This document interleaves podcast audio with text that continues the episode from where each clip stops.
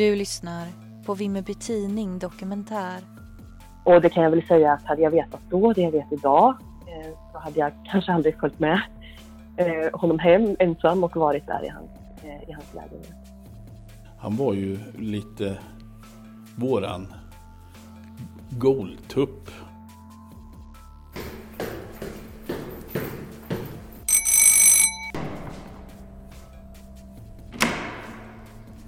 Hej! Johanna Rotebäck heter jag. Jag kommer från Vimmerby Tidning. Jag undrar om jag kan få ställa några frågor om Ulf Olsson?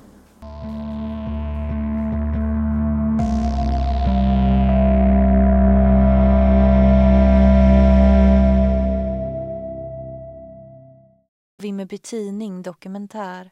Det gömmer sig en mördare i Vimmerby. Del 1. Ulf Olsson blev känd som Helenmördaren för hela svenska folket efter att han greps i sitt hem i Vimmerby den 23 juni 2004. Vi hör Karina Wising, tidigare reporter på Vimmerby Tidning. Det, det där är en sån här historia som har satt sig. Man glömmer ju aldrig den här personen och vad han gjorde för någonting för att det var så fruktansvärt att göra eh, så mot ett, ett litet barn. Ulf Olsson föds i skånska Hör 1951 som mellanbarnet i en skara på fem. Och Ulf har själv beskrivit sin barndom som ett helvete där pappan missbrukade och misshandlade honom och mamman försummade honom. Efter några år flyttar familjen till Hörby och Ulf tar allt mer sin tillflykt till djuren och naturen samtidigt som hans psykiskt dåliga mående försämras. Socionomen Bjarne Nilsson, som arbetat nära Ulf under flera år, beskriver honom i ett förhör. Känslomässigt är han störd. Han måste ha blivit oerhört psykiskt torterad under sin barndom. Jag upplever honom som en känslokall och udda människa med en förvrängd kvinnosyn och ett kvinnohat. Men det är inte bara kvinnosynen som är skev. Även kärleken till djuren är det och flera personer ska senare vittna om hundar skrämda till lydnad och dräpta husdjur. Det är efter att han 1987 flyttar tillbaka till en sommarstuga i Bokeslund utanför hans födelseort Hör som hans extremt våldsamma sida triggas igång socionomen Bjarne Nilsson igen. Han hade en väldig inneboende aggressivitet i sig. Den 26 mars 1989 hittas tioåriga Helene Nilssons kropp i en svart sopsäck. Hon är då svårt misshandlad, våldtagen och strypt. Man hittar även miljöspår i säcken från både hund och katt och vid den här tidpunkten har man inte kommit så långt med DNA-analys. Men den sperma man hittar beslutar man att frysa in och det är den bevisningen som sedan ska komma att fälla Ulf Olsson. Den 4 augusti samma år hittas 26-åriga Jannica Ekblad mördad på en rastplats utanför Hässleholm. Hon har blivit misshandlad och strypt. Även här blir det senare teknisk bevisning som fäller Olsson då hennes blod hittas 15 år senare under en tröskel i det hus han då bodde i. Inte kunde väl Vimmerbyborna ana att den underliga mannen med hunden var en brutal mördare som gömt sig i den idylliska staden i nästan 15 år.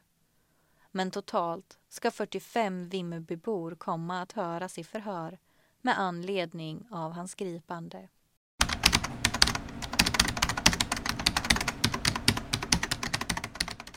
Jag heter Karina eh, Antonsson Wising och eh, eh, jag jobbade som reporter på Vimmerby Tidning eh, hela 90-talet. Jag minns Ulf Olsson eh, som en person som man ofta såg på stan. Han brukade ha en cykel och han brukade ha med sig Ehm, en hund, en golden retriever. Och jag tänker att man, alltså man betraktade ju honom som en kuf. Och eh, kufar måste ju få finnas också. Eh, så att han var väl liksom en del av stadsbilden Sådär. Man visste ju inte någonting om honom egentligen. Alltså han var ju en udda, en udda människa. Eh, jag, eh, han, var, ehm, han var ju inte så eh, pratglad direkt. Ehm, men, jag, nej, men jag tänkte att han, han var... Ja, han, han var udda. men jag tänkte inte, jag hade inga mer liksom, tankar kring, eh, kring honom så. Sådär. Han eh, hade väl alltid liksom samma kläder på sig och, och man såg ju honom varje dag egentligen ute på stan någonstans. Och det är såklart att man funderar lite på vad han hade för, för typ av liv. Men han var inte på något vis otrevlig eller aggressiv eller någonting sånt. Och det var i egenskap av reporter som Karina kom att komma i nära kontakt med Ulf. Och någon gång där i, så skaffade han ytterligare en hund. För jag vet ju att han hade två hundar eh, en period. Och i, någon gång i mitten på 90-talet så, så sökte han upp Vimmerby Tidnings redaktion. Eh, och jag jobbade då, jag var i tjänst och pratade med honom och han berättade att hans hund, hans ena hund var borta. Den yngre hunden som han hade. Och eh, han, den hade väl tagits utanför en, en affär trodde han, eller om någon bara hade släppt loss den. Och han, eh, han var väldigt orolig och han undrade ifall vi eh, via tidningen kunde efterlysa hunden helt enkelt. Och det bestämdes att vi skulle göra en, en, eh, en artikel om detta. Så ehm, eh, jag tog någon bild, pratade med honom lite och sen så vet jag att jag följde med honom hem. Han bodde ju i Furan då i bostadsområdet där. Och, eh, för jag ville låna en bild eh, som vi kunde publicera på hunden som han hade. Och, så jag, jag minns den här att jag stod i hans hall. Jag gick aldrig längre in i lägenheten, men jag stod i hans hall och det var ju helt tomt. Eh, det fanns ju ingenting där inne, och man, inga möbler, ingenting och det var väldigt kallt. Och man tänkte väl att det här, den här killen kan ju inte ha något jättebra liv. I Vimmerby Tidning 1996 lyder rubriken Har någon sett klumpen? Och det kan jag väl säga att hade jag vetat då det jag vet idag Eh, så hade jag kanske aldrig följt med eh, honom hem ensam och varit där i hans, eh, i hans lägenhet. Men vad var det egentligen som hade hänt med Ulfs försvunna hund, Klumpen? Det blev väl aldrig eh, kanske officiellt egentligen, men det som, det som man hörde var att det var nog, jag tror att hunden hittades vid järnvägen eh, och den var, var ihjälslagen och att det, det man hörde var att det antagligen var han själv som hade gjort detta. Jag vet inte varför han skulle ha gjort något sånt och sen sökt upp tidningen för att efterlysa hunden. Men, eh, men det, var, det var det man hörde. Jag vet inte vad som, vad som stämde och inte. Man har ju hört att han hade en fallenhet för, för djurplågeri eh, i, efterhand. Så att det kanske inte är omöjligt. Jag känner en person som en, en kort period jobbade ihop med honom och som, som eh, han hade väl något sånt här beredskapsjobb av något slag i stan. Och, och den här personen sa att Ulf Olsson var, ja, dels att han uppenbarligen hade eh, ja, alkoholproblem, men att han också brukade skryta om att han hade liksom dödat människor, att han hade varit med i Främlingslegionen och att han liksom skröt om väldigt våldsamma saker, men det var ju ingen som direkt tog honom på allvar, för det var ju så osannolikt att, att uh, han skulle ha gjort något sånt. Så man tänkte väl att han kanske bara var, uh, ja, inte helt frisk, eller hur man ska uttrycka det. Med vetskapen om vad Ulf Olsson gjort har Karina hunnit fundera en del över tillfället när hon besökte Ulf hemma i hans lägenhet. Det var ju ohyggligt att veta att man har, eh, att man har träffat en människa som har begått så fruktansvärda brott. Ehm, jag vet att jag, jag bodde ju inte ehm, där då, men jag fick ju veta ganska omgående att han hade blivit gripen och sen så fick man ju veta vad han var misstänkt för och, och så. Och eh, nej men det var ju hårresande. Ehm, det, det, där är ju en sån här historia som har satt sig. Man glömmer ju aldrig den här personen och vad han gjorde för någonting. För att det var så fruktansvärt att göra Eh, så mot ett, ett litet barn. Eh, och även mot en vuxen då. Men, men eh, det här lilla barnet alltså, det, en sån historia glömmer man ju aldrig.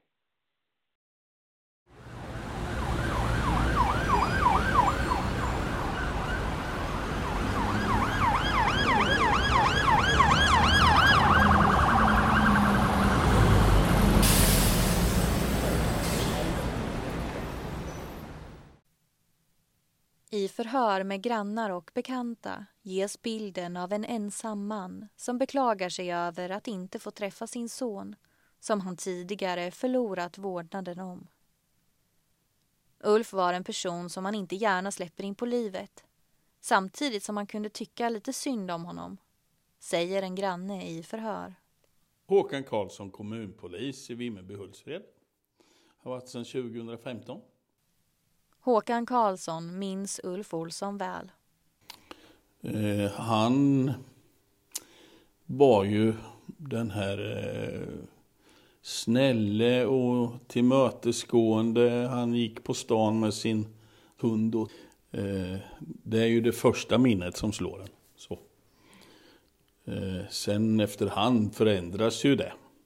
Flera personer vittnar i förhör om olika bränder som Olsson pratat svepande om men gett sken av att ha anlagt. Bland annat branden på Vivoträffen i Vimmerby och Trästaden i Jönköping. Vi hade en brand här, Tempo, brann ner. Eh, vi hade väl tankar på den tiden åt eh, Olsson-hållet. Och jag kommer inte ihåg idag anledningen om det var som så att han fanns på plats när det brann. Det är ju inte ovanligt att pyromaner vill se sitt verk. Eh, sen brann det nere vid Ålens garaget också i eh, ganska nära anslutning. Eh, eh, ett hus som låg intill där nere brann också utan anledning. Till personer i sin närhet ska Ulf ha skrytit om enkla metoder för att slippa vara på plats när branden tar sig. Vi hade väl vi hade lite aningar och misstankar men vi kom ju inte längre. Det var nog eh, liksom oklar brandorsak och då, då är det ju som så att eh, då tänker vi att någon, någon har tänt på helt enkelt. Om, om man inte kan hitta att det är något elfel eller något annat så va. Och då låter det ju genast som gryningspyromanen då som liksom gjorde sina arrangemang med lite halm och stearinljus och sen behövde han ju inte vara på plats. Eh, egentligen. Men eh, vi hade väl inga tankar på att eh, Ulf Olsson var på resande fot sådär ibland som han var. Undran om Ulf Olsson fanns ändå där i bakhuvudet. För polisen i Vimmerby hade Ulf en lite annan roll. Han var ju lite våran goltupp eh, så han kom ju hit ibland med jämna mellanrum och hade lite kontakter med dem på eh, Krim här då. Och lämnade tips om allt möjligt hit och dit. I förhör berättar personer nära Ulf om en bandspelare han ska ha fått av polisen för att hjälpa dem att infiltrera narkotikagäng. Det är inte omöjligt. För så eh, nära kontakt hade han här uppe. Eh, med några poliser då. Som, eh, ja, det är klart vi tar ju tacksamt emot tips.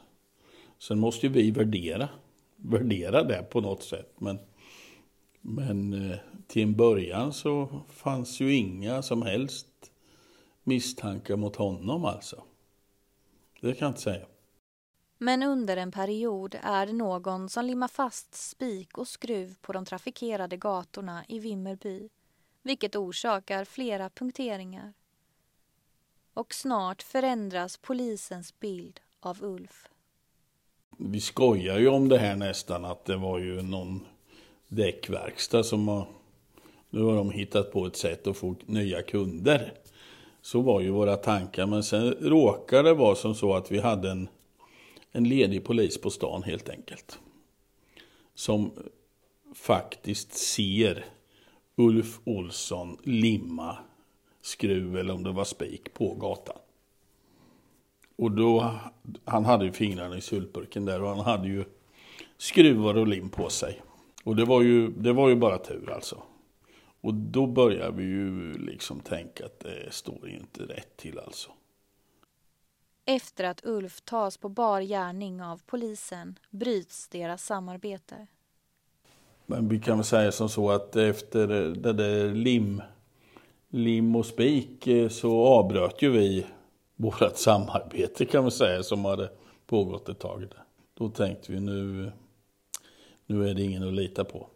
Även Håkan Karlsson får frågan om vad han tror egentligen hände med Ulf Olssons försvunna hund, Klumpen. Vad jag förstår så var det ju Ulf Olsson själv som slog ihjäl hunden. Jag tror han, om jag minns rätt nu, så hade han någon kvinna i sitt liv där. Om de var sambo eller särbo eller något sånt där. Men på något sätt så eh, visste hon att Ulf Olsson var inte riktigt frisk. Och han hade slagit ihjäl sin egen hund. Så här så var han ju väldigt djurvänlig liksom och så. Det kunde man ju inte tänka sig men sen hörde vi ju ryktet att han var inte snäll. Under åren ska en mängd olika män figurera i utredningen om vem som mördade Helen. Och så sent som hösten 2002 häktas två män i 35-årsåldern som efter två månader släpps för att avföras från utredningen. Men samma år får också en av mordutredarna, Monica Olhed, ett tips från en tidigare arbetskamrat till Ulf. Ett tips som ska leda till att han slutligen hamnar på en lista över personer att DNA-testa. Den 9 juni 2004, när Ulf Olsson är 52 år gammal, lämnar han av den anledningen ett frivilligt DNA-test på Vimmerby polisstation. Vi får någon begäran härifrån eh, Skåne då. Och det var ju, det var ju inga bräcken med det. Han var ju inte, han var inte orolig alls. Nej. Så det var ju inga problem. Eh, så det, just det här slår ju ner som en bomb alltså, självklart. Så jag, jag har för mig om att vi hade lokal polis då som fick hämta honom sen. När DNA slog där nere. Beskedet om Ulf Olsson kom som en överraskning. Och Håkan Karlsson ser inte att polisen i Vimmerby kunde ha sett det komma. Vi blev ju lite tagna på sängen kan man säga. Eller, jag kan inte säga att vi, man kände ju ingen skam för att vi inte hade tänkt eh, annorlunda utan eh, för det hade ju många gjort, tänker jag. Det var ju bara en lyckoträff det här som gjorde att eh, han dömdes.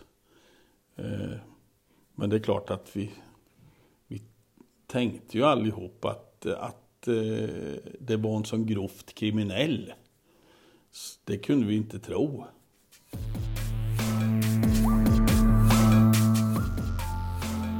Du har lyssnat på Vimmerby Tidning Dokumentär. Det gömmer sig en mördare i Vimmerby. Det var så roligt också. Dagen och dagen före, på onsdagen den här veckan, då gick vi ut allihop på några och käkade lunch. Och vi satt på hotellvärden. Hotell så kommer Ulf Olsson och går förbi med sin hund. Och då säger Göran Berggren, jag ger mig fan på att det är något skumt med den där karln. Han hade ju rätt. Med facit i hand så skulle man ha velat öppna badrumsdörren också kanske och titta på men eh, det gjorde jag inte utan det, det, det var ju kemikalier och, och, det var det jag kände och sen gick jag därifrån. Det här avsnittet har gjorts av mig, Johanna Rotebäck, 2021. Bakom Vimmerby Tidning Dokumentär står även Jen Hultberg och Daniel Söderqvist. Utöver de intervjuer som Vimmerby Tidning gjort är annan information hämtad från förundersökningsprotokoll, Vimmerby Tidning och TT. Ansvarig utgivare är Daniel Söderqvist.